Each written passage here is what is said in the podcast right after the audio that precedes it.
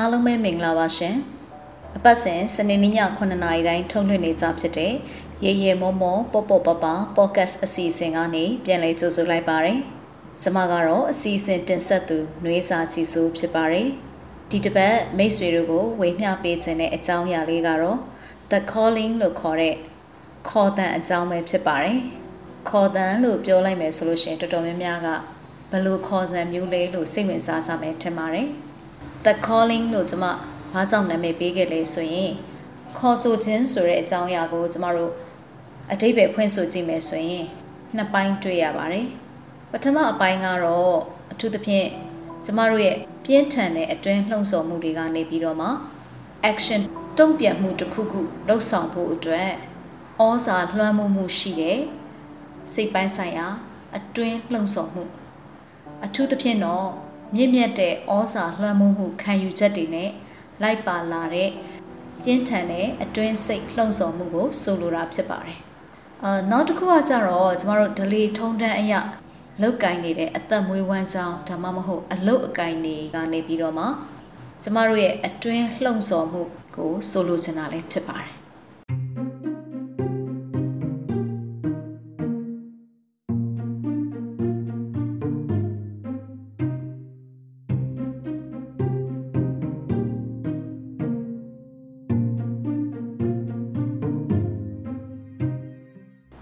ခေါ်ဆိုခြင်းဆိုတဲ့အကြောင်းအရာလေးကို ပြန်ပြီးတော့မှစဉ်းစားမယ်ဆိုရင်ကျမတို့ဘဝမှာလည်းခေါ်ဆိုမှုတွေရှိပါတယ်အဲ့တော့ကျမဘဝမှာဆိုလို့ရှိရင်ဘဝခေါ်တန်ကဘယ်အချိန်ခါမှာကြုံတွေ့ခဲ့ရလဲဆိုတော့ကျမအိမ်တောင်ကြပြီးတဲ့အခါမှာ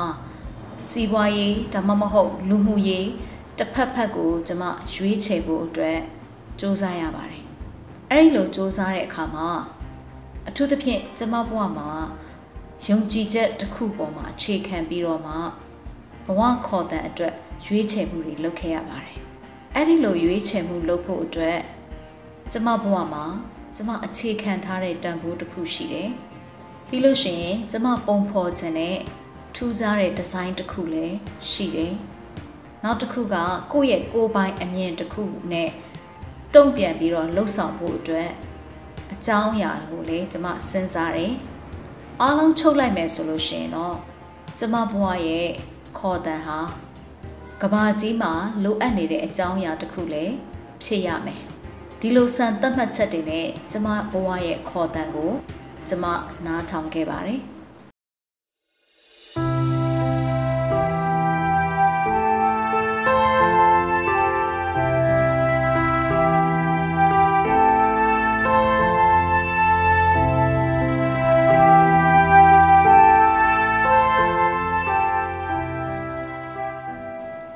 မိတ်ဆွေတို့မှလည်းဘဝခေါ်တန်နေရှိတဲ့အချိန်ကိုသိဖို့လိုအပ်ပါတယ်ဒီလိုဘဝခေါ်တန်နေဆိုတာကတနေ့နေ့တစ်ချိန်ချိန်မှာကျမတို့ရဲ့ယုံကြည်မှုတွေတန်ဖိုးထားမှုတွေကျမတို့ပုံဖော်ခြင်းတဲ့အသစ်အဆန်းဒီဇိုင်းတွေကျမတို့ရဲ့ယုံကြည်ချက်ကိုသက်သေပြဖို့အတွက်ကဘာကြီးရဲ့လိုအပ်ချက်နဲ့ပြန်လဲချိန်ညှိပြီးတော့မှကိုယ့်ရဲ့ကိုယ်ပိုင်အမြင်တစ်ခုကို တုံ့ပြန်အကောင့်ထဲပေါ်ဖို့အတွက်လုပ်ရတဲ့အလုပ်မျိုးဖြစ်ပါတယ်မိတ်ဆွေတို့ဘဝမှာလည်းဘဝခေါ်တန်နေဆိုတာတစ်ချိန်မဟုတ်တစ်ချိန်မှာကြုံတွေ့ရမှာပါပဲအဲ့တော့များသောအားဖြင့်လူတယောက်နဲ့တယောက်တွေ့ပြီဆိုလို့ရှိရင်မေးကြတယ်မင်းဘာလုပ်နေလဲဘာလုပ်ဖြစ်တယ်လဲဒါကိုစကားပုံစံအမျိုးမျိုးနဲ့မေးလိရှိကြပါတယ်အဲ့ဒီခါကျရင်ကို့မှာဖြေဖို့အတွက်အဖြေရှိနေပြီလား ကျမဘဝရဲ့ခေါ်တန်ကိုကြားတဲ့အချိန်မှာကျမဘဝတစ်စစ်ချိုးအတွက်အပြောင်းလဲတွေလုပ်ရမယ်ဆိုတာကိုယုံကြည်ချက်ရှိရှိနဲ့စိန်ခေါ်မှုတွေမှန်သမျှကိုတတ်နိုင်သလောက်ရင်ဆိုင်ခဲ့ပါတယ်။ကျမဘဝရဲ့ခေါ်တန်ကဘာလဲလို့ဆိုရင်တော့မတန်ဆွမ်းလူငယ်တွေကိုဖန်တီးမှုနယ်ပယ်မှာနေရာရစေခြင်းတဲ့အတွက်ကျမကိုယ်တိုင်ဖန်တီးမှုလောကတွေကိုအရင်ဝင်ပြီးတော့မှ မတန်ဆွမ်းလူငယ်တွေကိုဖန်တီးမှုလမ်းကြောင်းပေါ်ကိုရောက်အောင်ဆွဲတင်ပေးခြင်းနဲ့ဆိုတဲ့ဘဝခေါ်တန်ကိုကျွန်မရှာဖွေတွေ့ရှိခဲ့ပါတယ်။ဒီလိုဘဝခေါ်တန်ကိုရှာဖွေတွေ့ရှိဖို့အတွက်ကျွန်မအချက်၃ချက်ကိုစဉ်းစားခဲ့ပါတယ်။အဲ့ဒါကတော့ငါဘာလုပ်ဖို့အတွက်ရည်ရွယ်တာလဲ။ဘကျမရဲ့ရည်ရွယ်ချက်ကိုအရင်ဆုံးရှာပါတယ်ပြီးရင်ငါဘာလုပ်ချင်တယ်လဲ ကျမရဲ့ရည်ရွယ်ချက်ကိုအကောင့်ထည့်ဖို့အတွက်ကျမဘာတွေလုပ်ချင်လဲဆိုတာကိုသိဖို့လိုပါတယ်။နောက်တစ်ခုကတော့ငါဘာလုပ်ရမလဲ။မဖြစ်မနေလုပ်ရမယ့်အကြောင်းအရာတွေကိုရှာဖွေစူးစီးပြီးတော့မှကျမတဆင့်ချင်းစီအကောင့်ထည့်ဖို့ကိုစူးစမ်းပါတယ်။ဒီအတွက်ကျမပေးဆက်လိုက်ရတာတော့အချိန်နဲ့စူးစမ်းအားထုတ်မှုဖြစ်ပါတယ်။ကျမအချိန်နှဲခဲ့တဲ့ကာလတွေပဲဖြစ်စေအချိန်ဖောဖောတီတီပေးနိုင်တဲ့ကာလတွေပဲဖြစ်စေ။ ဒီဇိုင်းမမတ်နဲ့ကျမလုပ်ဖို့စ조사တာကတော့ကျမဘဝရဲ့ခေါ်တန်အတွက်ပဲဖြစ်ပါတယ်ဒီလိုပြောမယ်ဆိုရင်ကျမမှာအလုံးမရှိလို့လားမဟုတ်ပါဘူးကျမမှာအလုံးရှိပါတယ်အလုံးလို့ပြောလိုက်မယ်ဆိုရင်ကျမအနေနဲ့နှမျိုးနှစ်စားခွဲခြားပြီးတော့ပြောချင်ပါတယ်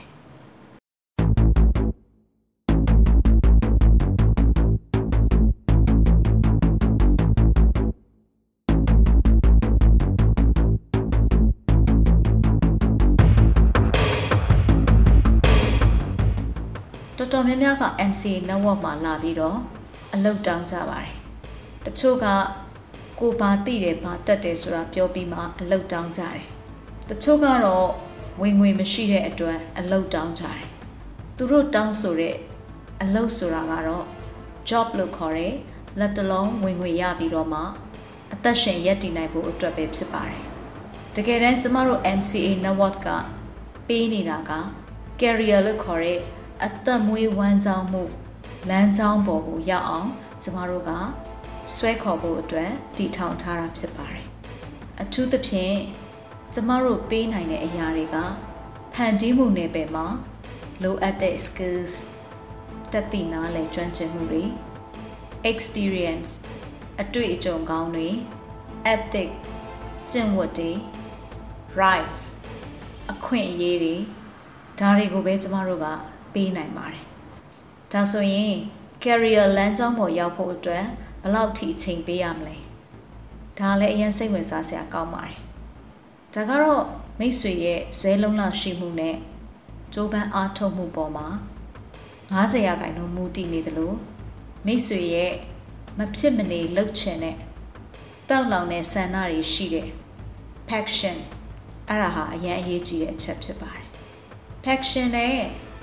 စ조사အားထုတ်မှုနဲ့ပေါင်းစပ်မှသာလျှင်မိတ်ဆွေသွားကျင်တဲ့ career ဆိုတဲ့လမ်းကြောင်းပေါ်ကိုထိုက်တန်တဲ့အချိန်တစ်ခုမှရောက်ရှိမှာဖြစ်ပါတယ်။ဒါပေမဲ့ကျမတို့လက်တလုံးဝင်ငွေရတဲ့ job ကိုပဲလုပ်လို့အသက်မွေးဝမ်းကြောင်းပြုတဲ့ career ကိုပဲလုပ်လို့ကျမတို့ကအနားယူလို့ရပါတယ်။ကျမတို့ကိုယ်တိုင်အနားမယူရင်လည်းတစုံတစ်ခုသောအကြောင်းကြောင့်ရက်တန့်သွားတာမျိုးလည်းဖြစ်ကောင်းဖြစ်နိုင်ပါတယ်။အထူးသဖြင့်အခုလိုကာလမျိုးမှာ တော်တော်များများ career တွေ job တွေဟာအလုံးမဖြစ်တော့တာကိုမြင်နိုင်ပါလိမ့်မယ်။ဒါဆိုလို့ရှိရင်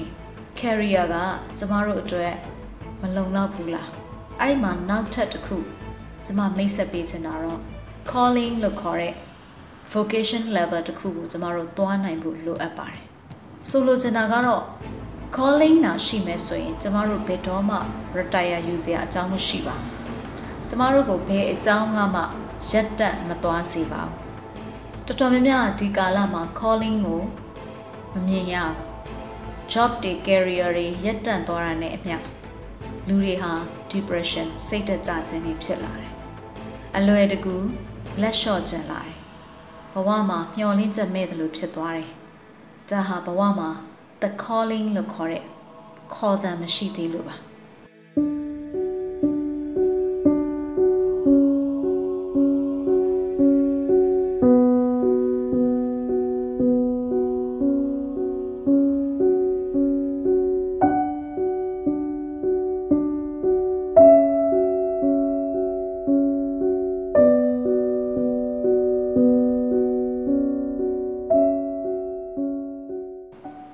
န်ရှိလာပြီဆိုလို့ရှိရင်လူတွေဟာဘယ်အကြောင်းအရာနဲ့မှရက်တန့်သွားမှာမဟုတ်ဘဲကိုယ့်ရဲ့ဥတီချက်ယုံကြည်ချက်ကဘာကြီးရဲ့လိုအပ်ချက် ကိုပုံဖော်ခြင်းနဲ့တစုံတစ်ခုကိုအကောင်းဆုံးစူးစမ်းပြီးတော့ဆက်လုပ်ဆောင်နေကြမှာဖြစ်ပါတယ်။ဒါကိုကျမအတိကပြောချင်တာဖြစ်ပါတယ်။ဒါနဲ့ပတ်သက်ပြီးကျန်းစာရဲကနေကျမသင်ယူခွင့်ရခဲ့တဲ့ပုံကူနှစ်ဦးရှိပါတယ်။ပ ထမတစ်ယောက်ကတော့မောရှေဖြစ်ပါတယ်မောရှေဆိုတာမြန်မာမှုပြုထားတဲ့နာမည်ဖြစ်ပြီးတော့ Moses လို့အမည်ရပါတယ်တကယ်တော့မောရှေဟာ Israel လူမျိုးဖြစ်ပါတယ်ဒီနေ့မှာဖာရောဘုရင်က Israel လူမျိုးကလေးငယ်တွေကိုတတ်ဖို့အကြောင်းဖန်လာတဲ့အခါမှာမောရှေရဲ့မိခင်ဟာမောရှေကိုဝှက်ထားခဲ့တဲ့အတွက်အသက်မသေခဲ့ပါဘူး။ဒါပေမဲ့ကလေးကတဖြည်းဖြည်းကြီးလာတဲ့အခါမှာ ဝှက်ထားဖို့အဆင်မပြေနိုင်တော့တဲ့အတွက်တနေ့မှာတော့နိုင်မြစ်မှာကလေးကိုမျောလိုက်ပါတယ်။ဒါကဖျားသခင်ရဲ့အကြံစီရှိတဲ့အတွက်ဖာရောဘုရင်ရဲ့သမီးတော်ရေချိုးတဲ့ရေချိုးစိတ်မှာဒီကလေးကိုရှာဖွေတွေ့ရှိသွားပြီးတော့ဖာရောဘုရင်သမီးတော်ရဲ့မွေးစားခြင်းကိုခံခဲ့ရပါတယ်။ဒီတော့မောရှေဆိုတဲ့ကောင်လေးဟာအစ္စရေးလူမျိုးဖြစ်ပေမဲ့ အီဂျစ်ပြည်မှာရှိတဲ့ဖာရောဘုရင်သမီးတော်ရဲ့မွေးစားသားအဖြစ်နဲ့နန်းတွင်မှာတက်တဲ့အထာရတအတတ်ပညာတွေကိုသင်ယူခွင့်ရခဲ့ပါတယ်။ဒါပေမဲ့သူဟာအစ္စရေးလူမျိုးဖြစ်တယ်ဆိုတာကိုသိတဲ့အခါမှာတနေ့မှာတော့မိမိနဲ့ဘဝတူအစ္စရေးလူမျိုးတယောက်ကိုညှဉ်းပန်းနှိပ်စက်နေတာကိုမခံနိုင်တဲ့အဆုံးဖာရောဘုရင်ရဲ့လူတယောက်ကိုတတ်လိုက်မိတဲ့အတွက်သူဟာကြောက်ရွံ့ပြီးတော့မှ မိဒရန်ဆိုတဲ့အရက်မှာပုံအောင်ဖို့ဖြစ်လာပါတယ်။အဲ့ဒီမှာအနှစ်40ကြာတိုးထင်းဘဝနဲ့နေထိုင်ခဲ့ပါတယ်။ဒီနေ့မှာတော့မီးလောင်နေတဲ့ခြုံပုတ်ကနေဖျားသခင်နဲ့စကားပြောခွင့်ရပြီးတော့နှိပ်စက်ခံနေရတဲ့အီဂျစ်ပြည်ကအစ္စရေးလူမျိုးတွေကိုကျုံဘဝကနေကယ်လွှတ်ပေးဖို့အတွက်အီဂျစ်ဘုရင်ကိုတွားပြီးတော့တောင်းဆိုဖို့အတွက်ဖြစ်လာပါတယ်။တကယ်ဆိုမောရှေဟာဒီခေါ်ခြင်းကိုသာမခံရရင် တာမန်တိုးကြောင်းသားဘဝနဲ့ပဲမိဒရန်အရက်မှာအသက်ထက်ဆုံးနေသွားမှာဖြစ်ပါတယ်။ဒါပေမဲ့ခေါ်ခြင်းကိုခံရတဲ့အခါမှာသူနဲ့လူမျိုးတူတွေကိုကျွံဘဝကနေကယ်နှုတ်ဖို့အတွက်သူ့မှာယုံကြည်ချက်ရှိရှိနဲ့ဖျားသခင်ပြောတဲ့အတိုင်းလိုက်နာပြီးတော့မှအလုတ်လုတ်တဲ့အတွက်ကြောင့်မို့လို့အီဂျစ်ဘုရင်ကိုသူကသွားတောင်းဆိုရဲတယ်ဖာရောဘုရင်ကသူ့ရဲ့တောင်းဆိုမှုကိုညှင်းပယ်ခဲ့တဲ့အခါမှာဖျားသခင်လမ်းညွှန်တဲ့အတိုင်းပဲ နမိတ်လက္ခဏာတွေအများကြီးပြပြီးတော့မှကတ်ကြီး၁၀ပါးကိုအီဂျစ်ပြည်မှာကြော်ညာခဲ့တယ်။သူကအစ္စရေးလူမျိုးတွေကိုအီဂျစ်ပြည်ကနေဥဆောင်ပြီးတော့မှခေါ်ထုတ်ခဲ့တဲ့သူဖြစ်တယ်။နောက်ကအီဂျစ်ပြည်ကဖာရောဘုရင်ရဲ့စစ်တပ်တွေလိုက်ပြီးတော့တပ်ဖို့လုပ်တဲ့အခါမှာ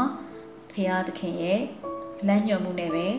ပင်လယ်ကိုထတ်ချမ်းခွဲပြီးတော့မှပေါ်လာတဲ့ကုန်းပေါ်မှာသူ့ရဲ့ အစ္စရေးလူမျိုးတွေကို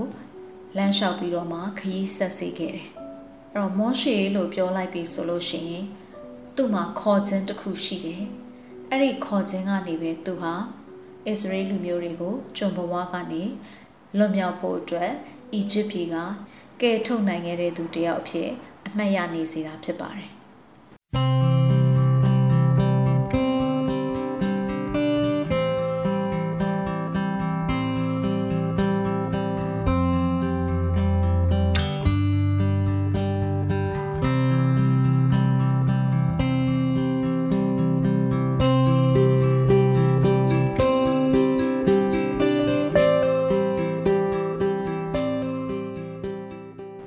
တစ်ယောက်ကကြတော့ David လို့ခေါ်တဲ့ဒါဝိဒ်ဖြစ်ပါတယ်။ပြောရမယ်ဆိုရင်ဒါဝိဒ်ကညီကိုတွေထဲမှာအငယ်ဆုံးသားလေးဖြစ်တယ်။ပြီးတော့တိုးချောင်းနဲ့အလုပ်ကိုလုပ်တယ်။သူကတောထဲမှာတိုးတွေကြောင်းနေရင်းနဲ့သူ့တိုးတွေကိုအန်နီရဲ့ပြုတ်လာတဲ့တောရိုင်းတရိษံတွေကို သူဟာအနိုင်ယူပြီးတော့မှနှိမ်နှင်းနိုင်တဲ့သူဖြစ်တယ်။ဒီနေ့မှာတော့ ရှမွေလာဆိုတဲ့ prophet ကြီးတစ်ပါးကနေပြီးတော့မှသူ့ဖခင်ရှိရာအိမ်ကိုရောက်လာပြီးတော့ဖျားသခင်ပိတ်သိပ်ပေးခြင်းနဲ့တားကိုရှာတဲ့အခါမှာ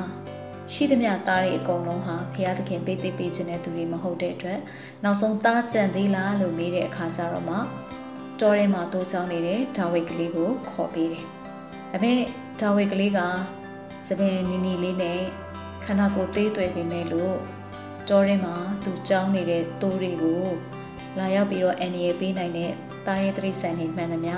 သူဟာအနိုင်ယူနိုင်တဲ့သူဖြစ်တယ်။ဒီလိုနဲ့ပဲ profession မွေလာကဒါဝေးရဲ့ကောင်းပေါ်မှာစီလောင်ပြီးတော့ Israel ဘုရင်အလောင်းအငယ်လေးကိုပိတ်သိပ်ပေးလိုက်တယ်။။ဒီနေ့တော့သူ့ရဲ့ဖခင်ကစစ်တပ်မှာတာဝန်ထမ်းဆောင်နေတဲ့သူ့ရဲ့အကိုကြီးရှိရာကိုရိတ်ခါပို့ဖို့အတွက်သူ့ကိုလှုပ်လိုက်တယ်။ သူကတိုးချောင်းသားလေးဆိုတဲ့အတိုင်းပဲသူ့မှာအမြဲတမ်းလောက်လွဲလေးပါတယ်။လောက်လွဲဆိုတာကခဲတစ်လုံးကိုထည့်ပြီးတော့မှလက်နဲ့ဝှေ့ရမ်းပြီးတော့မှအားကုန်လွှဲပြီးတော့ပြစ်လိုက်ရတဲ့အရာမျိုးကိုဆိုလိုတာဖြစ်တယ်။အဲ့အဲ့အချိန်မှာ Israel တွေဟာတိုက်ဆိုင်စွာနဲ့ပဲလူထွားကြီးစစ်သူရဲ့ဂေါလျက်ပါတဲ့ဖိလိတိလူတွေနဲ့စစ်တိုက်ဖို့စစ်ခင်းနေတဲ့အချိန်ဖြစ်တယ်။ဂေါလျက်ဆိုတဲ့လူကြီးဟာအမတန်ထွားကြိုင်းနေ giant ကြီးပေါ့နော်။နေတိုင်းဒီ Israel ဘက်မှာရှိတဲ့စစ်သည်တွေကိုအမြဲတမ်းလှောင်ပြောင်းတယ်။ငါနဲ့တိုက်မဲ့သူရှိရင်ထွက်ခဲ့စမ်း။အဲ့ဒီသူနိုင်ရင်ငါတို့ကြုံခံမယ်။တကယ်လို့ငါနိုင်ရင်မင်းတို့ကြုံခံရမယ်ဆိုပြီးတော့မှစိန်ခေါ်တယ်။တကယ်ဆိုဒါဝိတ်ကအစ္စရေးစစ်တပ်မှာရှိတဲ့အကိုတွေကိုစားစရာယူလာပေးတဲ့လူပဲဖြစ်တယ်။ဒါပေမဲ့အဲ့ချိန်မှာသူဒီဂေါလိယရဲ့စကားကိုကြားလိုက်တယ်။သူ့ရဲ့စိတ်ထဲမှာ ကြီးမားတဲ့လှုံ့ဆော်မှုတစ်ခုဖြစ်လာတယ်။အဲ့တော့သူဆုံးဖြတ်လိုက်တယ်။ဒီဂေါလိယကိုသူတိုက်မယ်ဆိုပြီးတော့ဘယင်ကိုတော့ပြောတယ်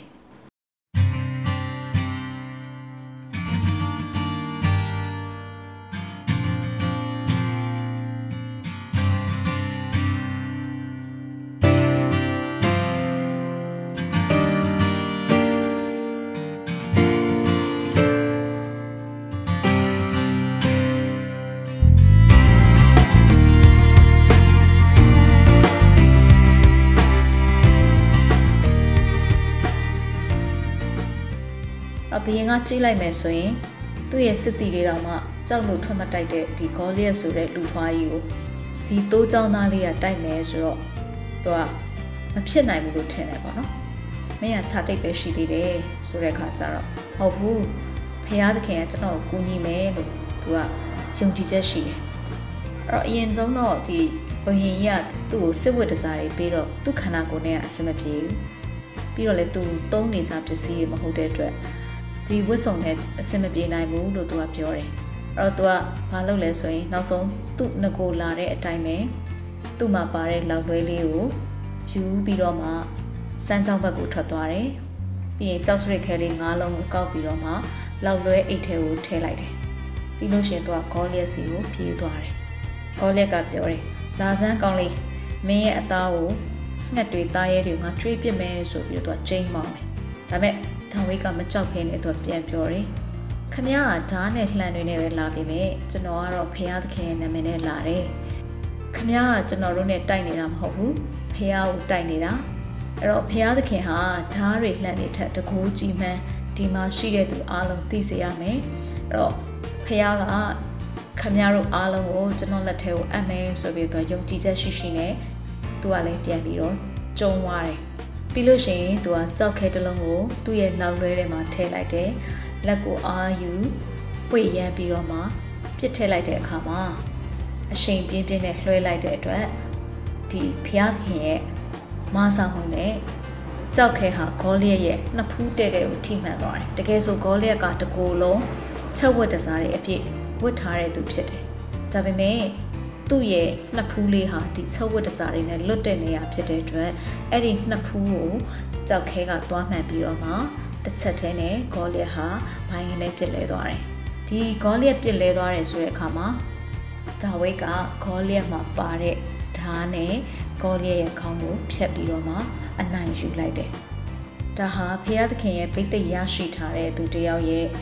ရဲဝံ့ယုံကြည်စွာနဲ့အများအတွက် ပြင်းပြတဲ့စိတ်ဆန္ဒနဲ့ပြန်ပြီးတော့မှတုံ့ပြန်လိုက်တဲ့တုံ့ပြန်ချက်တစ်ခုဖြစ်တယ်။ဒါတွေပြောပြလို့ကျွန်မတရားဟောနေတာမဟုတ်ပါဘူး။ကျမ်းစာတွေကနေ the calling နဲ့ပတ်သက်ပြီးတော့မှကျွန်မစိတ်ထဲမှာခွန်အားရတဲ့ပုံကိုနှစ်ဦးဆိုရင်မမှားပါဘူး။ဒါလေးကိုကျွန်မအတူချုပ်ပြီးဝေမျှပေးတာပါ။တကယ်လို့မိတ်ဆွေတို့စိတ်ဝင်စားရဲဆိုရင်ကျမ်းစာထဲမှာရှိတဲ့ဂျာဝိန်းနဲ့ဂေါ်လီရဲ့အကြောင်းကို Google မှာ ဆက်ပြီးတော့မှရှာဖွေလေ့လာလို့ရပါတယ်။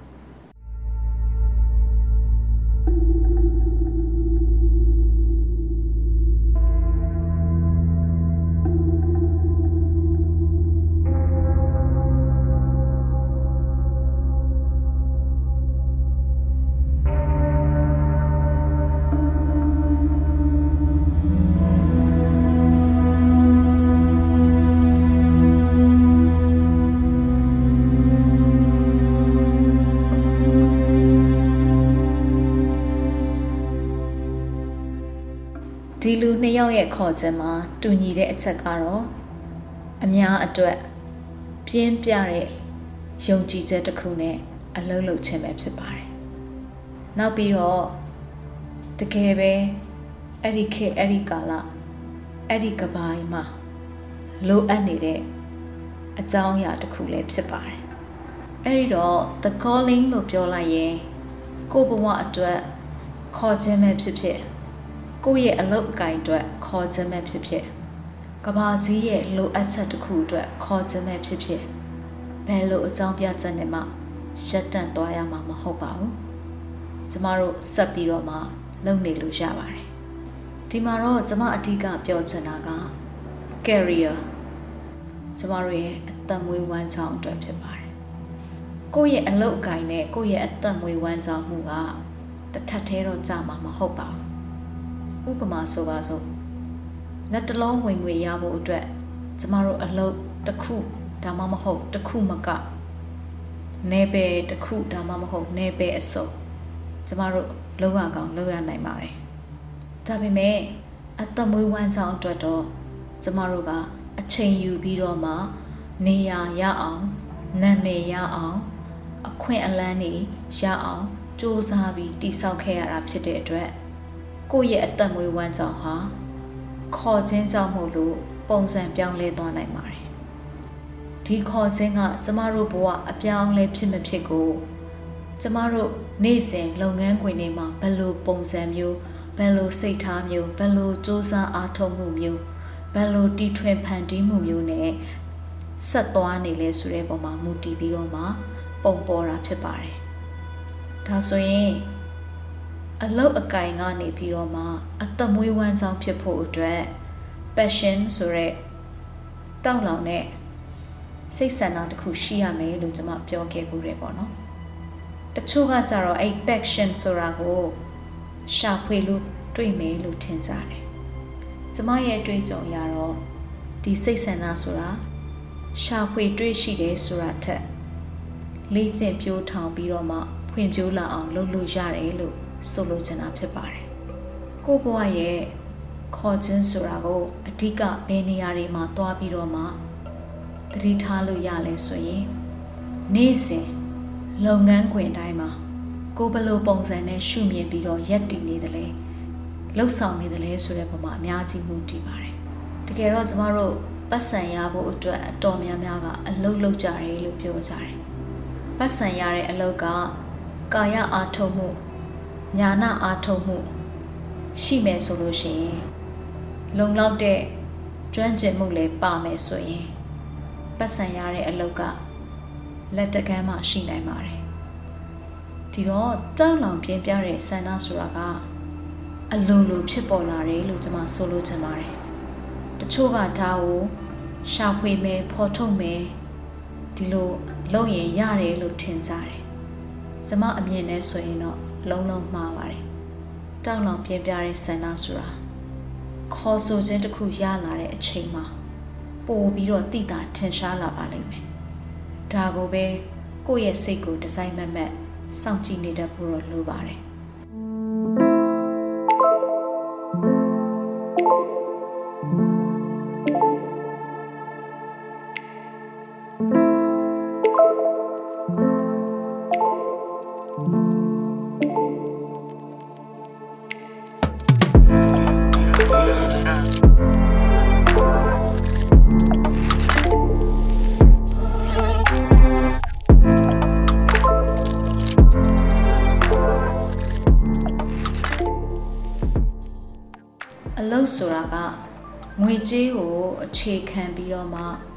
လုပ်တဲ့အလုပ်ဆိုတာကတော့ကာလတူအလုပ်တွေပဲဖြစ်ပါတယ်။အယောင်စေးဟာတစ်သက်လုံးအသက်ကြီးတဲ့အထိအယောင်စေးနဲ့မသွားပါဘူး။ဒါဟာအရွယ်တစ်ခုအရာပညာအရေးချင်းအကန့်အသတ်တစ်ခုအရာဝင်ငွေရဖို့အတွက်လက်တလုံး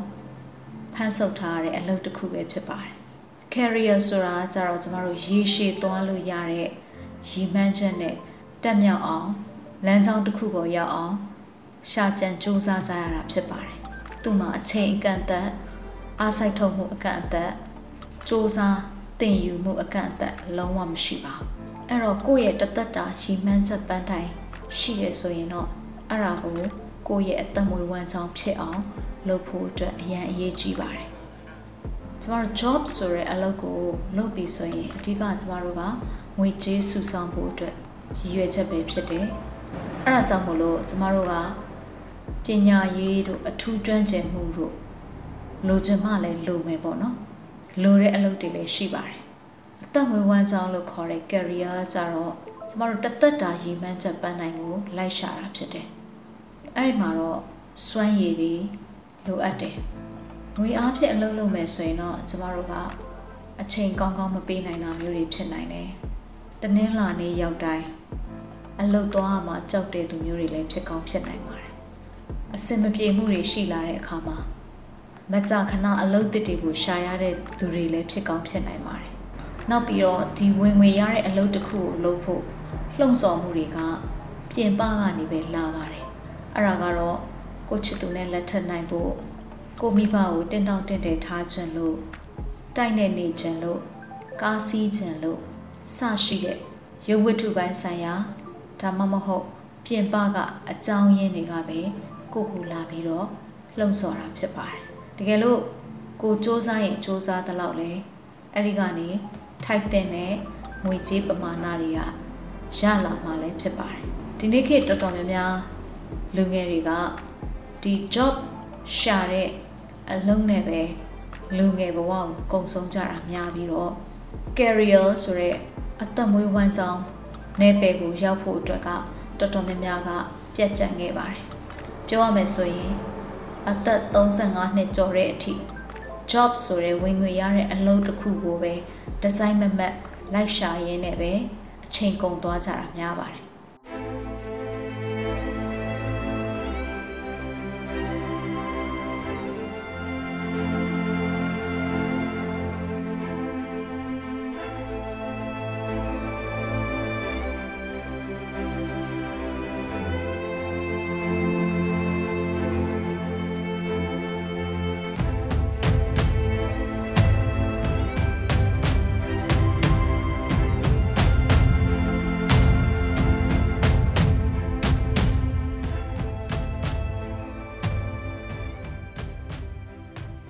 job ဆိုတဲ့ဝင်ငွေရတဲ့အလုပ်ကိုလုပ်နေရင်တစ်ဖက်နဲ့ပဲ career လို့ခေါ်တဲ့တသက်တာရည်မှန်းချက်ပန်းနိုင်ရောက်မဲ့လမ်းကြောင်းပေါ်ကိုတွားဖို့အတွက်ကျမတို့ကစူးစမ်းထားမှာဖြစ်ပါတယ်။ဒီအတွက်လူငယ်ဘဝမှာအခက်အခဲတွေရှိနိုင်တယ်၊စိန်ခေါ်မှုတွေရှိနိုင်တယ်။အထူးသဖြင့်မတန်ဆွမ်းလူငယ်တွေဆိုရင်ပိုးပြီးတော့သူများထက်နှစ်ဆသုံးဆမကစူးစမ်းရပါတယ် ပညာရေးမှာလည်းအခွင့်အလမ်းနေပါတယ်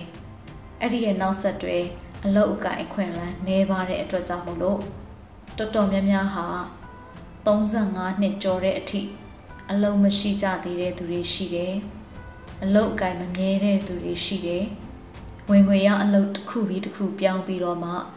နောက်ဆုံးအလုတ်လက်မဲ့ဖြစ်သွားတဲ့သူတွေလည်းရှိပါတယ်အချို့ကလည်းဖွံ့ဖြိုးမှုနယ်ပယ်မှာအလုတ်လုတ်ရင်းနဲ့ပဲ တဖြည်းဖြည်းဖွံ့ဖြိုးမှုနယ်ပယ်နဲ့ဝေးရကိုရောက်သွားတဲ့အခြေအနေတွေလည်းရှိပါတယ်။ဒါဟာတိတ်နှမျောဖို့ကောင်းပါတယ်။လူငယ်ကာလမှာတင်ယူမှု အခွင့်အလမ်းတွေများသလိုမတန်ဆွမ်းလူငယ်တွေအတွက်ဆိုလို့ရှိရင်လေ job ဆိုတဲ့ဝင်ငွေရအလုပ်တစ်ခုတွေကိုပဲအားဆိုင်မနေဘဲနဲ့ career လို့ခေါ်တဲ့တသက်တာရှိမှန်းချက်နဲ့အကောင့်ထဲပေါ်မဲ့အသက်မွေးဝမ်းကြောင်းခန္ဓာကိုလည်း စူးစမ်းတိဆောက်ဖို့လိုပါတယ်။အဲ့ဒီတော့နှိုင်းရှင်ပြီးပြောရမယ်ဆိုရင် career မှာကတော့တနင်္လာနေ့တိုင်းအလုပ်သွားရမှာကြောက်တဲ့အနေအထားမရှိနိုင်ပါဘူး။အလုပ်သစ်ခဏခဏရှာရတာမျိုးလည်းမရှိနိုင်ပါဘူး။ဒီ career အတွက်ဆိုရင်ကျမတို့လိုအပ်တာကအတွေ့အကြုံအကြံဉာဏ်ဒါတွေကိုစုဆောင်းထားဖို့လိုတယ်။ career ဘာနဲ့တူလဲဆိုတော့ ကျမတို့လှေကားထောင်ပြီးတက်နေတာနဲ့တူပါတယ်အဲ့ဒီလှေကားတွေတစ်ခုပြီးတစ်ခုပြီးနောက်မှာကျမတို့ဝင်ငွေရနိုင်တဲ့အနေအထားတွေကလည်းတဆင့်ပြီးတဆင့်ပြောင်းလဲလာနိုင်ပါတယ်ဒါပေမဲ့ပုံမှန်ဝင်ငွေရနေတဲ့ job လိုပုံစံမျိုးမဟုတ်ဘဲနဲ့လှေကားတွေကိုတက်သွားတဲ့နေရာတိုင်းနေရာတိုင်းမှာထိုက်တန်တဲ့ အချိန်နဲ့စ조사အားထုတ်မှုပေါ်မူတည်ပြီးတော့မှပြန်ပြန်ရလာတဲ့ဝင်ငွေတွေဖြစ်ပါတယ်။ဒီတော့တနင်္လာနေ့တိုင်းဟာကိုယ့်အတွက်နေပျော်စရာနေ့ရက်တွေဖြစ်သွားနိုင်ပါတယ်။ပုံမှန်ဝင်ငွေရတဲ့အလုပ်တွေမှာလို့တနင်္လာနေ့တိုင်းအသစ်တွေ့ရမယ်လုပ်ငန်းခွင်ရဲ့ရိုက်ခတ်မှုတန်ကိုမခံနိုင်စရာအကြောင်းမရှိတော့ပါဒီလှေကားတွေကိုတစ်ခုပြီးတစ်ခုရွှေ့ပြီးတော့တက်တာပဲဖြစ်စေတဆင့်ပြီးတဆင့် ထပ်တိုးပြီးတက်တာပဲဖြစ်စေကျမတို့ဟာအောင်မြင်မှုဆိုတဲ့ပန်းတိုင်နဲ့နီးကပ်လာတာဖြစ်ပါတယ်ပုံမှန်ဝင်ငွေရတဲ့အလုပ်တွေလုပ်တဲ့အခါမှာအများနဲ့ရှင်ပြန်ရတာဖြစ်ပြီးတော့မှကိုယ့်အတွက်ကအောင်မြင်နိုင်ခြင်းနဲ့တယ်ပေါ့ဒါမဲ့တမွေးဝမ်းကြောင်းလမ်းပေါ်ကိုခြေချပြီဆိုရင်တော့ကိုဟာခရီးတစ်ခုကိုတွားနေရတာနဲ့တူတယ်။ကိုဒုကိုချွန်နဲ့တွားတဲ့ခရီးတစ်ခုဖြစ်တဲ့အတွက် အောင်မြင်မှုကြာရှုံးမှုမှန်သမျှဟာကို့အပေါ်မှာပဲပို့ပြီးတော့မမှုတည်ပါတယ်။နောက်ပြီးတော့ဒီအတမွေးဝမ်းကြောင်းမှုအတွက်လှုံ့ဆော်ခံရတဲ့အကြောင်းအရာတွေကပြင်ပကလာတာမဟုတ်ဘဲနဲ့ရီမှန်းချက်လိုမျိုးပေါ့နော်။ကိုယ့်ရဲ့စိတ်အတွင်းပိုင်းကနေလာတဲ့လှုံ့ဆော်ခံရတဲ့အချက်တွေဖြစ်ပါတယ်ပုံ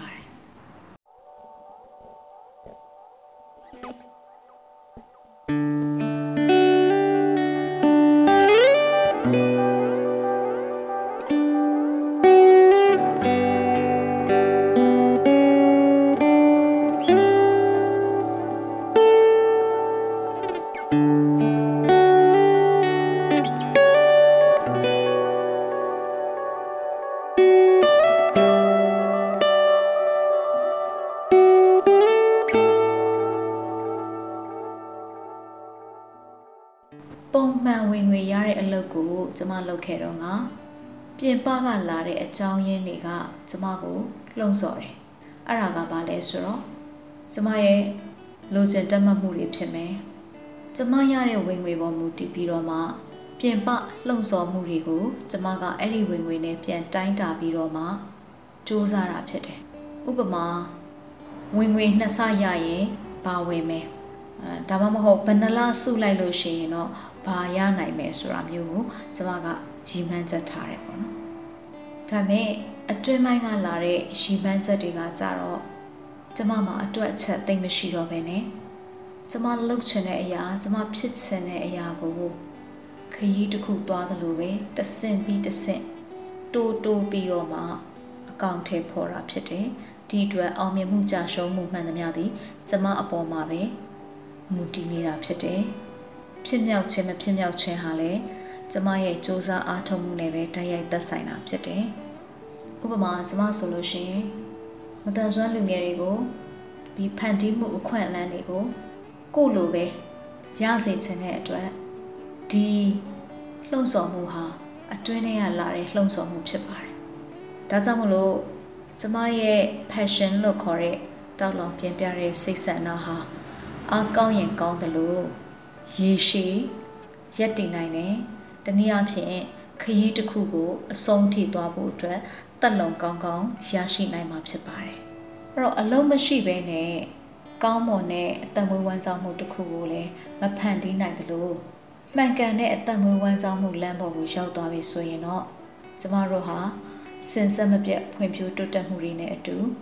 ဆုလက်တွေကိုပါခံစားရမှာဖြစ်ပါတယ်ဒီတော့မိတ်ဆွေကလက်ရှိမှာ ဝင်ငွေရတဲ့ job ဆိုတဲ့အလုပ်တစ်ခုကိုလုပ်နေတယ်ဆိုရင်ဘယ်အသက်အရွယ်မှာပဲဖြစ်စေမိတ်ဆွေစပြီးတော့လုပ်တဲ့တာကကိုယ့်ရဲ့ရည်မှန်းချက်ပန်းနိုင်တစ်ခုစီကိုတွားတဲ့အသက်မွေးဝမ်းကြောင်းလမ်းပေါ်ကိုရောက်ဖို့အတွက်မိတ်ဆွေကိုအချိန်ယူပြီးတော့မှစ조사အားထုတ်စေချင်ပါတယ်အထူးသဖြင့်မိတ်ဆွေဟာမတန်ဆွမ်းသူဖြစ်မယ်ဆိုရင်ဒါမှမဟုတ်မတန်ဆွမ်းသူတွေနဲ့ပတ်သက်ပြီးတော့မှ အကောင့်ထဲပေါ်ခြင်းနဲ့ဆန္ဒတစ်ခုခုရှိမယ်ဆိုရင်အဲ့ဒီတောက်လောင်ပြပြတဲ့စိတ်ဆန္ဒကိုတသက်တာရည်မှန်းချက်အဖြစ်သတ်မှတ်ပြီးတော့မှမိတ်ဆွေဟာအသက်မွေးဝမ်းကြောင်းခရီးလမ်းပေါ်ကိုရောက်ဖို့အတွက်စ조사ပြီးတော့မှအချိန်ယူလှုပ်ဆောင်မှာဖြစ်ပါတယ်ဒီတော့ကိုယ့်ရဲ့ရည်မှန်းချက်တစ်ခုအတွက်စွန့်ဦးတီထွင်သူတယောက်ဖြစ်ဖို့လက်မတွန့်စေချင်ပါဘူးကိုရည်မှန်းထားတဲ့ဒီဇိုင်းတစ်မျိုးမျိုးအတွက်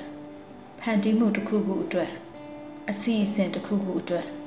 ဘယ်သူမှလုပ်နေတာကိုစောင့်စရာမလိုပဲနဲ့မိတ်ဆွေကအရင်ဆုံးစွန့်ဦးတီထွင်တဲ့သူဖြစ်ဖို့စူးစမ်းကြည့်ပါဒီအတွက်အခက်အခဲတွေရှိကောင်းရှိလာနိုင်ပါတယ်ဒါပေမဲ့ခြေလှမ်းများလိုပဲတလှမ်းချင်းလှမ်းရင်းနဲ့မိတ်ဆွေဟာ job ဆိုတဲ့အနေအထားတစ်ခုကနေ career ဆိုတဲ့လမ်းကြောင်းပေါ်ကိုရောက်လာပြီးတဲ့အခါမှာတော့ အချိန်မှာမိတ်ဆွေရဲ့ပုံရိပ်အားကောင်းလာတာနဲ့အမျှ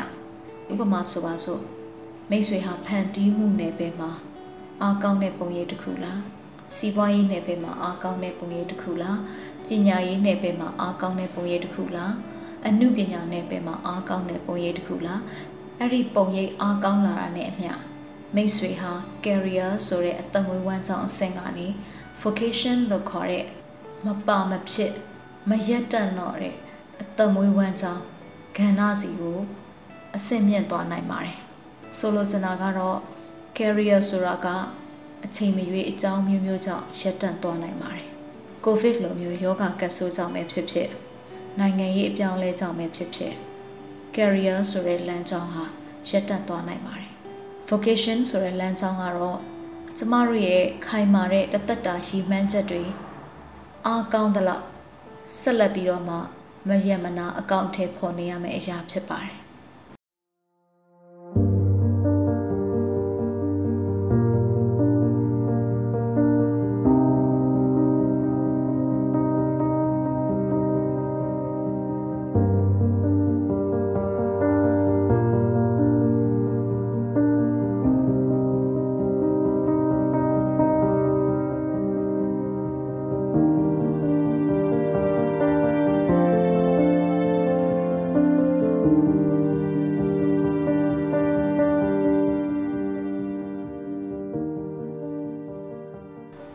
ကာမှာဆိုရင်တော့ပြည်ပြည့်စုံတဲ့လွတ်လပ်မှုရဖို့အတွက်စွန့်ဦးတီထွင်ခြင်းကိုလှုံ့ဆော်ကြပါတယ်လွတ်လပ်မှုဆိုတာဒီနေရာမှာငွေကြေးပိုင်းဆိုင်ရာလွတ်လပ်မှုအချိန်ပိုင်းဆိုင်ရာလွတ်လပ်မှုကိုဆိုလိုချင်တာဖြစ်ပါတယ်အင်္ဂလိပ်လိုတော့ financial freedom နဲ့ time freedom ပေါ့နော်အချိန်ရဲ့ချုပ်ချယ်ခြင်းတွေငွေကြေးရဲ့ချုပ်ချယ်ခြင်းတွေကနေလွတ်မြောက်ဖို့အတွက်ဆိုရင်တော့ကျမတို့က vocation ဆိုတဲ့အသက်မွေးဝမ်းကြောင်း အဆင့်တစ်ခုထိရောက်အောင်လို့ career ကနေပြီးတော့မှထပ်ပြီးတော့စူးစမ်းဖို့လိုပါတယ်။ကျမတို့ရဲ့တသက်တာရည်မှန်းချက်တွေဟာလူမှုရေးကဏ္ဍမှာလည်းဖြစ်ကောင်းဖြစ်နိုင်တယ်။စီးပွားရေးကဏ္ဍအမှုပညာကဏ္ဍပညာရေးကဏ္ဍအမျိုးမျိုးမှာဖြစ်နိုင်တယ်။အဲ့ဒီကဏ္ဍအမျိုးမျိုးမှာရှိတဲ့တသက်တာရည်မှန်းချက်တွေအားကောင်းနေတဲ့၍ကျမတို့ကိုဘယ်အရာကမှ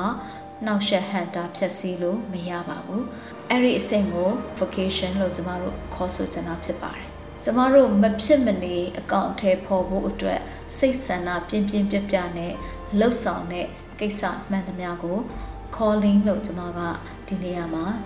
vocation နဲ့တွဲပြီးတော့မှပြောပြပေးချင်တာဖြစ်ပါတယ်အဲ့တော့မိတ်ဆွေရဲ့အသက်မွေးဝမ်းကြောင်းမှုမှာပဲဖြစ်စေကဘာကြီးရဲ့လိုအပ်ချက်အတွက်ပဲဖြစ်စေကျမတို့ဟာတိကျခိုင်လုံတဲ့ရည်မှန်းချက်တွေရှိပြီဆိုရင်တော့မဖြစ်မနေအကောင့်ထဲပေါ်ဖို့ လိုအပ်တာဖြစ်ပါတယ်။ဘယ်အကြောင်းအရာနဲ့မှကျမတို့ကိုချင်းချောက်ဟန်တာနှောက်ယှက်လို့မရအောင်တသမတ်ထဲသွားဖို့အတွက် the calling လို့ခေါ်တဲ့ခေါ်တန်ကိုကောင်းကောင်းနားလေနားဆွင့်နေဖို့လိုပါတယ်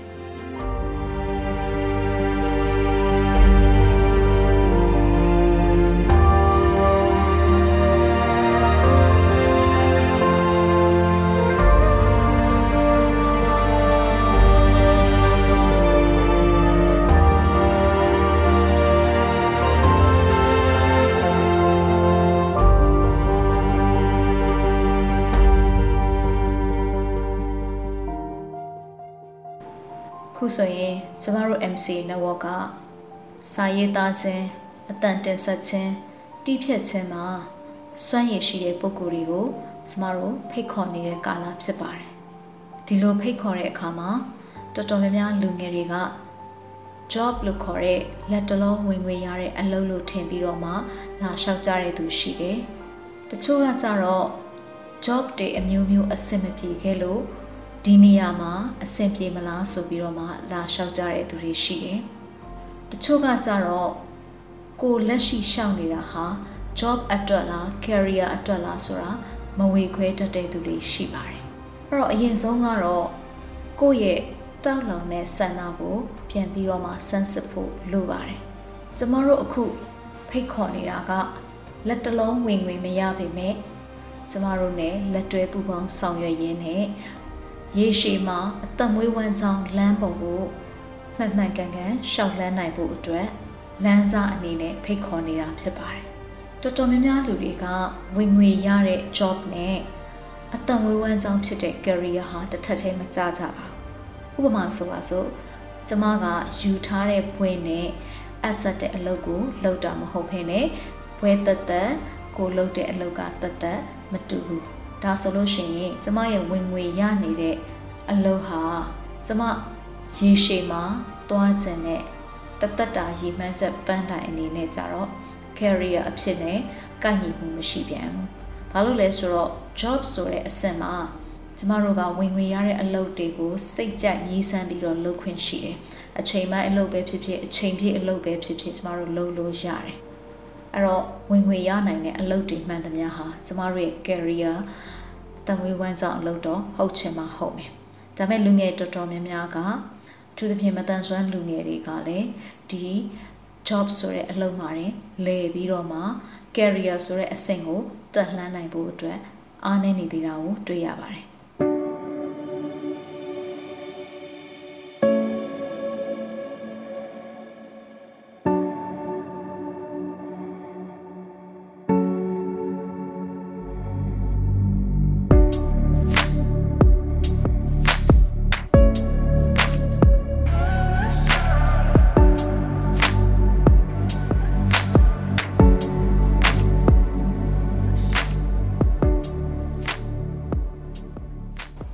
လုပ်တဲ့အလုပ်ဟာကိုယ့်ရဲ့ career အဖြစ်သတ်မှတ်နိုင်တဲ့လူမျိုးတွေအများစုကတော့ပြင်သစ်နိုင်ငံသားတွေဖြစ်ပါတယ်။သူတို့နိုင်ငံမှာဆိုရင်80ရာခိုင်နှုန်းသောသူတွေဟာသူတို့လုပ်နေတဲ့အလုပ်ဟာသူတို့ရဲ့အသက်မွေးဝမ်းကြောင်းအလုပ်ဖြစ်တယ်လို့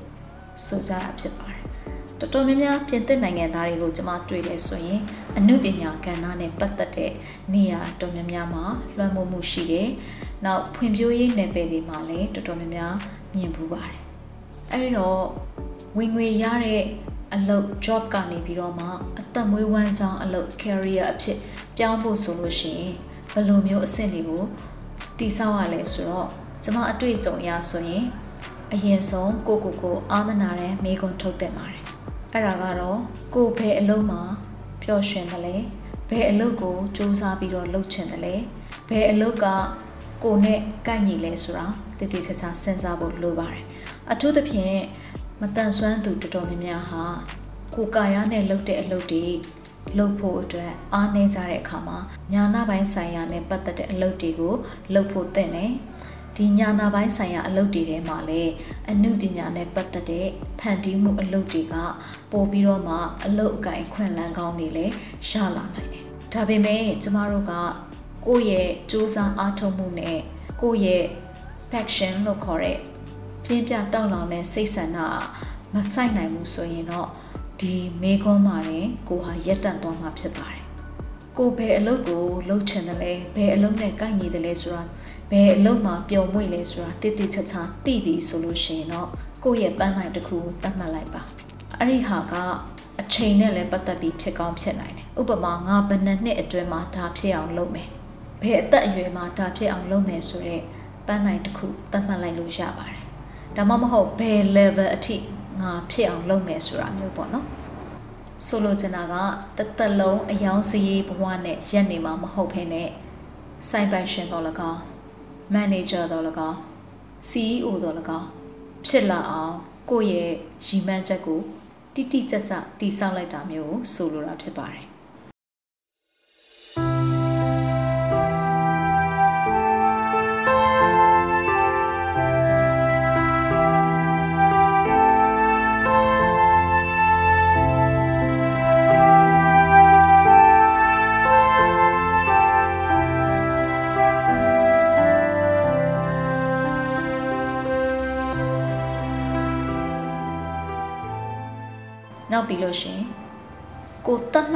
ပန်းတိုင်ကိုအစပြုပြီးသွားလို့ရမယ်ကိုနှစ်သက်ပြီးတော့မှလုံနိုင်စွမ်းရှိတဲ့အရာကိုရှာလို့ရပါတယ်ဥမာကို့မှာဘာကျွမ်းကျင်မှုတွေရှိတယ်လဲဘယ်လိုပညာရေးအခြေအနေရှိတယ်လဲပြီးရင်မိသားစုဒါမှမဟုတ်အသင်းအဖွဲ့တွေရဲ့ပံ့ပိုးမှုအားဘယ်လောက်ရှိတယ်လဲဒါတွေကိုကိုထည့်တွက်မယ်ဆိုလို့ရှိရင်ကို သတ်မှတ်ထားတဲ့ပန်းနိုင်ကိုရောက်ဖို့အတွက်ဘယ်ကစားလို့ရတယ်လဲဆိုတာကိုကိုစဉ်းစားလို့ရမှာဖြစ်တယ်အဲ့လိုသတ်မှတ်လိုက်တဲ့နေရာကိုသွားဖို့အစပြုဖို့လမ်းကြောင်းတစ်ခုပေါ်လာပြီဆိုလို့ရှိရင်တော့ကို့အတွက်နေရာတစ်ခုရအောင်စူးစမ်းပြီးတော့တိဆောက်စေချင်ပါတယ်။နေရာဆိုတဲ့နေရာမှာနာမည်လည်းပါပါတယ်။ဥပမာကိုကဖန်တီးမှုလောကမှာဘာနဲ့နာမည်ကြော်ကြားချင်တာလဲ။ ဘာအကြောင်းအရာနဲ့လူသိစေချင်တာလဲ။ဘယ်တက်ကြွမှုနဲ့လူတွေသတိထားမိစေချင်တာလဲ။ဒါကိုတိတိကျကျသတ်မှတ်ထားဖို့လိုပါတယ်။အဲ့ဒီသတ်မှတ်လိုက်တဲ့အရာမှာပဲကိုကစပြီးတော့မှနေရာတစ်ခုရအောင်စူးစမ်းအားထုတ်ရတာဖြစ်ပါတယ်။အဲ့တော့တချို့ကပုံမှန်ဝင်ငွေရနေတဲ့ job ကနေအသက်မွေးဝမ်းကြောင်း career ဖြစ်ဖို့ကိုအခုလုပ်နေတာဟာ job လား career လားမခွဲတတ်တဲ့သူတွေရှိပါတယ်။ အဲ့တော့လက်တွေ့လေ့လာမှုတွေအရဆိုရင်အသက်မွေးဝမ်းကြောင်းဖြစ်တယ်လို့ယူဆလို့ရတဲ့ရာဂိုင်နှုန်းဟာ69ရာဂိုင်နှုန်းရှိပါတယ်။ဆိုလိုချင်တာကကိုယ့်ရဲ့အသက်မွေးဝမ်းကြောင်းအလုံးလို့သတ်မှတ်လို့ရတာကအဲ့ဒီလုပ်ငန်းခွင်မှာ69ရာခိုင်နှုန်းတော့ကိုယ့်ရဲ့အောင်မြင်မှုပျော်ရွှင်မှုဂျင်းနှံ့မှုအားထုတ်နိုင်စွမ်းဒါတွေကရှိနေမယ်ဆိုရင်တော့ ဒါဟာကိုယ့်ရဲ့အသက်မွေးဝမ်းကြောင်းအလုပ်ဖြစ်ကောင်းဖြစ်လာနိုင်ပါတယ်အဲ့လောက်မရှိဘဲနဲ့သုံးပုံတစ်ပုံလောက်30ရာခိုင်နှုန်းလောက်ပဲစိတ်ကျဉ်တတ်တဲ့ဆိုယုံလေးပဲအောင်မြင်တဲ့ဆိုယုံလေးပဲအဆင်ပြေတဲ့ဆိုယုံလေးပဲရှိနေမယ်ဆိုရင်တော့ဒါဟာ job လို့ခေါ်တဲ့လက်တလုံးဝင်ငွေရတဲ့အလုပ်သာဖြစ်ပါတယ်ဒါမှမဟုတ် job လား career လားခွဲမရတဲ့ အနေအထားမျိုးတွေးဟာဖြစ်တဲ့ရာဂိုင်နှုန်းလဲရှိကောင်းရှိနိုင်ပါတယ်အနည်းဆုံးတော့1ရာခိုင်နှုန်းလောက်ကျမတို့မှာတွေးဟာဖြစ်တဲ့စိတ်ကလေးတွေရှိတတ်ပါတယ်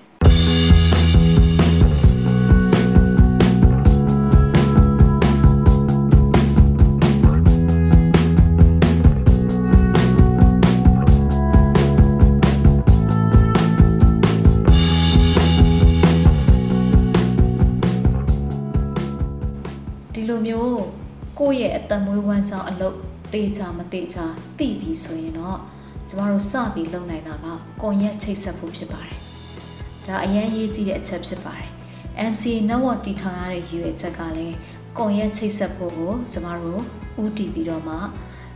တည်ထောင်ထားတာလည်းဖြစ်ပါတယ်။ကွန်ရက်ဆိုတဲ့အခါမှာဒီကာလအရာဆိုရင် online offline လို့နှမျိုးသုံးလို့ရပါတယ်။ online ဆိုတာကတော့ internet နဲ့ ဆက်ဆက်ပတ်သက်တဲ့နေရာတွေမှန်သမျှမှာကျမတို့အတိမိတ်ဆွေတွေဖွဲ့တာလေ့လာသင်ယူတာပါဝင်ဆွေးနွေးတာပြောဆိုပြသတာစီယုံလှုံ့ဆော်တာစသဖြင့်ဒီလိုခန္ဓာမျိုးစုံမှာပါဝင်တာမျိုးကို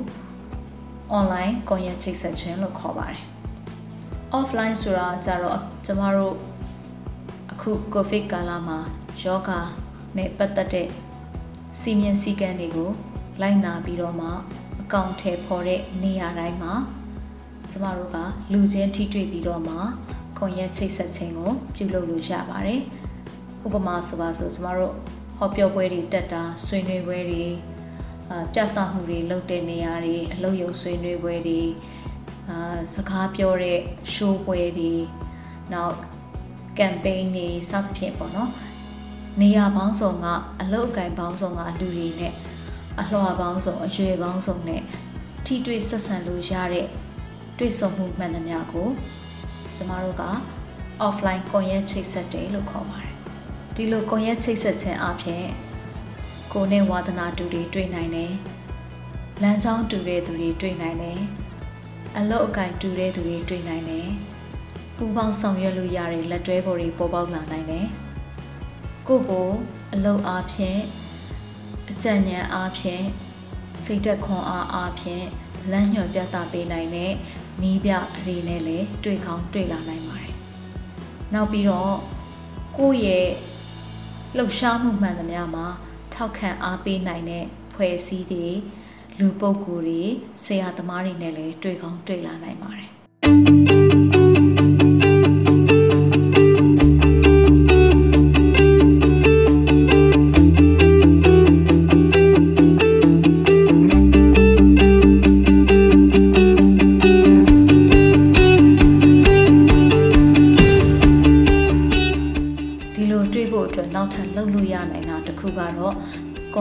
ဆက်ခြင်းအပြင်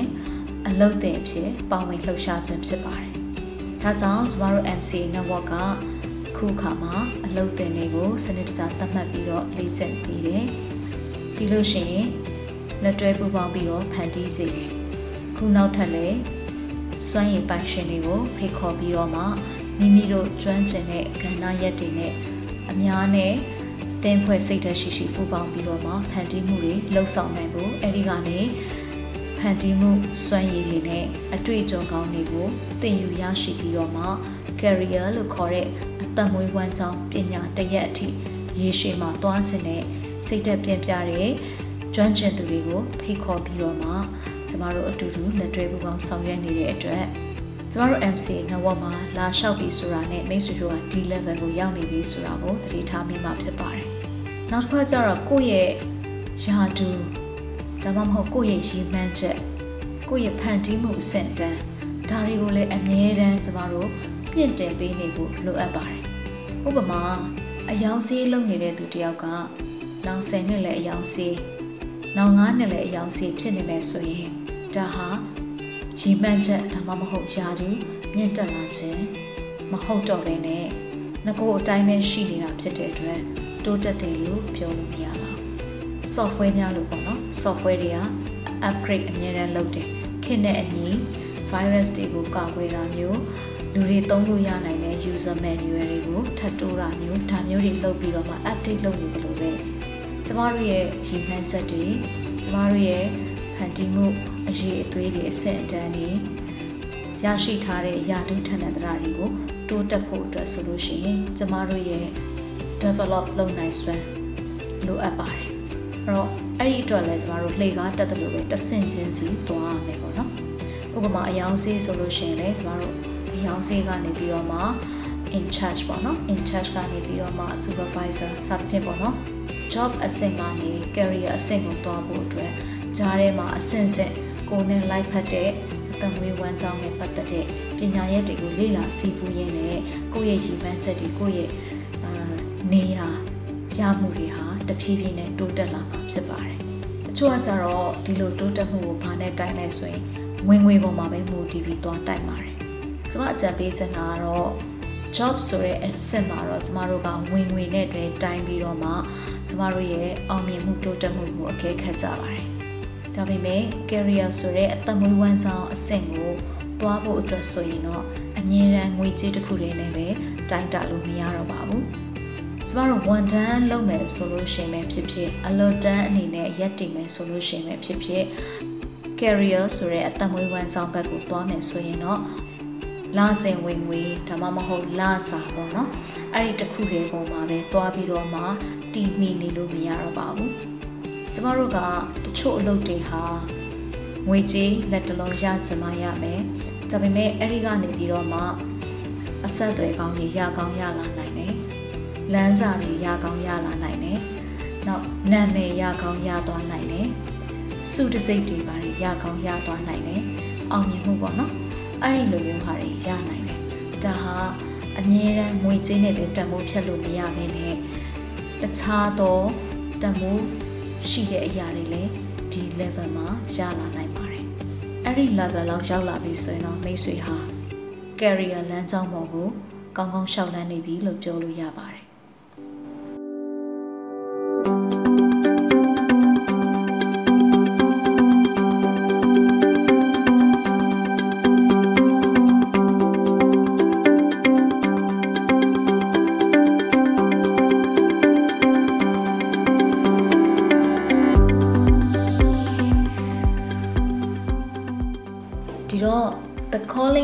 calling လို့ခေါ်တဲ့ vocation အဆင့်ကိုဘယ်လိုသွားမလဲပေါ့ vocation ဆိုတာလေကျမတို့ဗမာလို့ဆိုရင်တော့အတမွေးဝမ်းဆောင်ပညာပါပဲ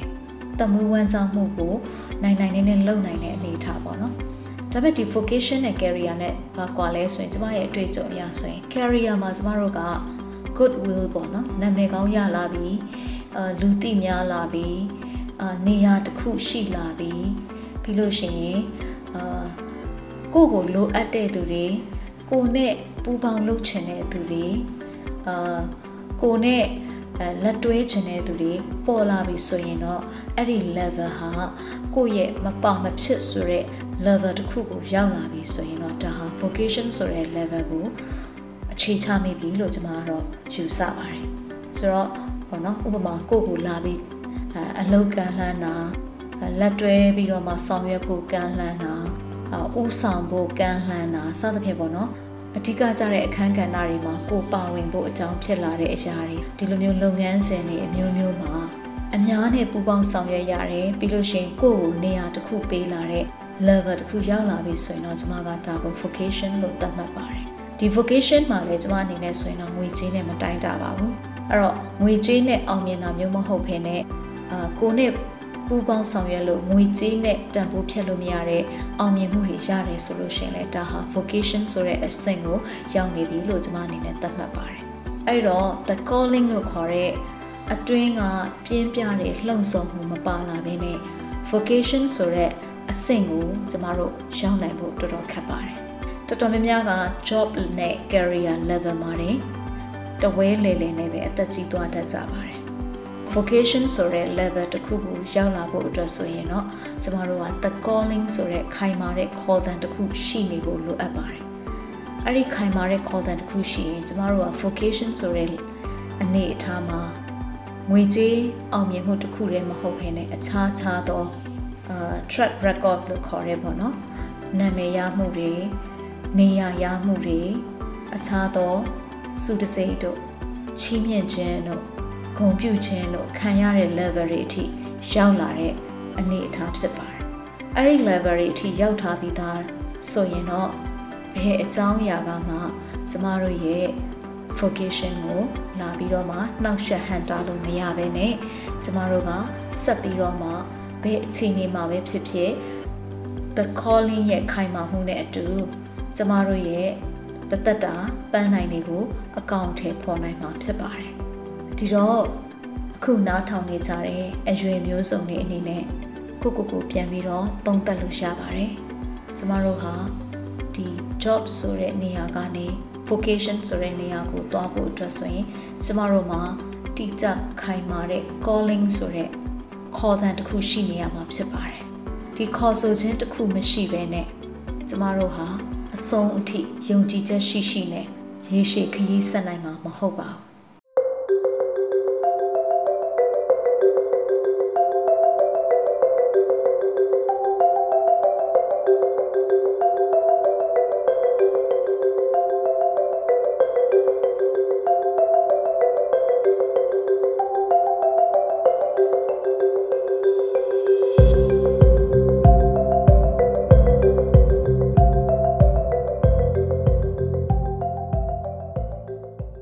ကျန်းစာတွေမှာကျမအားစားခဲ့ရတဲ့ပုံကိုယ်တွေဟာ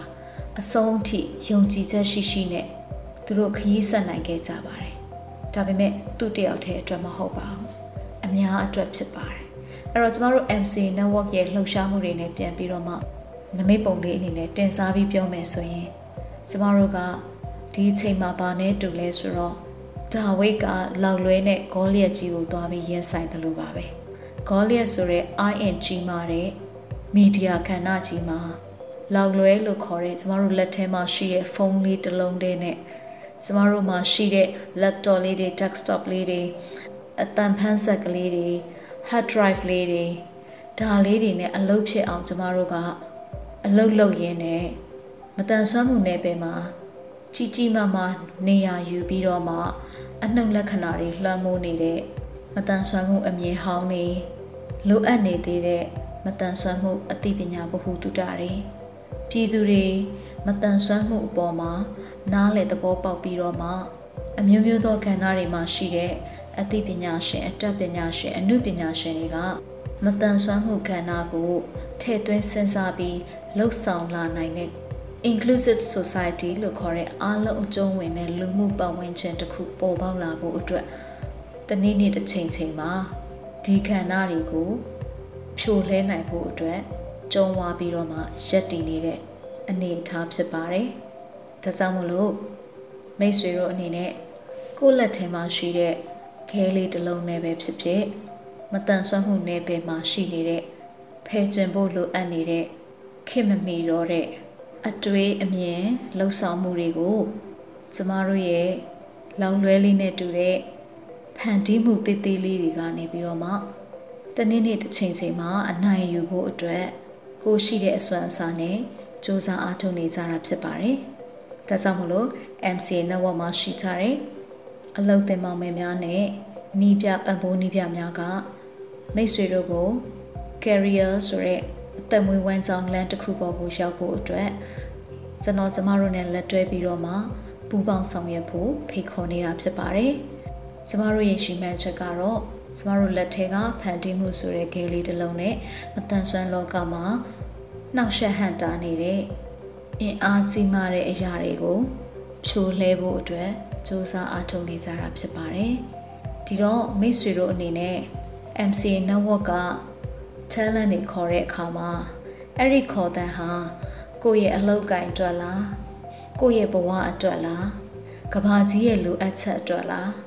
မြန်မာနိုင်ငံမှာရှိတဲ့မတန်ဆွမ်းလောကရဲ့လိုအပ်ချက်အတွက်လားဘယ်လိုခေါ်တဲ့မျိုးဖြစ်မလဲဆိုတာမိတ်ဆွေတို့စဉ်းစားဆုံးဖြတ်ပြီးတော့မှကျမတို့နဲ့အတူလာရောက်ပူးပေါင်းကြပါလို့ဒီနေရာကနေဝေမျှပေးချင်တာဖြစ်ပါတယ်မိတ်ဆွေတို့ရဲ့လက်ထဲမှာရှိနေတဲ့ဖုန်းလေးတစ်လုံးဟာလေဒါဝိရဲ့လောက်လွဲတဲ့ကခဲလေးတစ်လုံးလိုမျိုးအစွမ်းရှိစေချင်ပါတယ် ဒီစီစဉ်ကိုနားထောင်ခဲ့ကြတဲ့မိတ်ဆွေတွေအနေနဲ့လည်းပုံမှန်ဝင်ငွေရတဲ့ job ဆိုတဲ့အလုပ်တွေကနေတသက်တာရည်မှန်းချက်နဲ့ပြင်းပြတဲ့စိတ်ဆန္ဒတွေနဲ့မဖြစ်မနေအကောင့်ထဲပေါ်နေတဲ့ career ဆိုတဲ့လမ်းကြောင်းပေါ်ကိုကူးပြောင်းနိုင်မယ်လို့ယုံကြည်ပါတယ်လက်ရှိ career ဆိုတဲ့အသက်မွေးဝမ်းဆောင်လမ်းကြောင်းပေါ်ကိုရောက်ရှိနေကြတဲ့သူတွေကလည်း vocation လို့ခေါ်တဲ့ဘယ်သူဖြတ်ဖြတ်မပြတ်နိုင်တဲ့ အသက်မွေးဝမ်းကြောင်းအဆင့်အထိကိုအရောက်လှမ်းနိုင်ဖို့အတွက်ခွန်အားတွေရရှိသွားမယ်လို့ယုံကြည်ပါတယ်ရှင်။ကျမရဲ့ဝေမျှမှုကိုဒီမှာနေမယ်ရန်နာပါရစေ။မိတ်ဆွေတို့အားလုံးလည်းအတန်ဆွမ်းမှုအသိပညာတွေတိုးပွားပြီးတော့ကိုယ့်ဘဝမှာမှန်ကန်တဲ့လမ်းကြောင်းပေါ်ကိုရှာဖွေရည်တည်နိုင်တဲ့သူတွေဖြစ်ကြပါစေလို့ဆုတောင်းပေးလိုက်ပါတယ်။အားလုံးကိုကျေးဇူးတင်ပါတယ်ရှင်။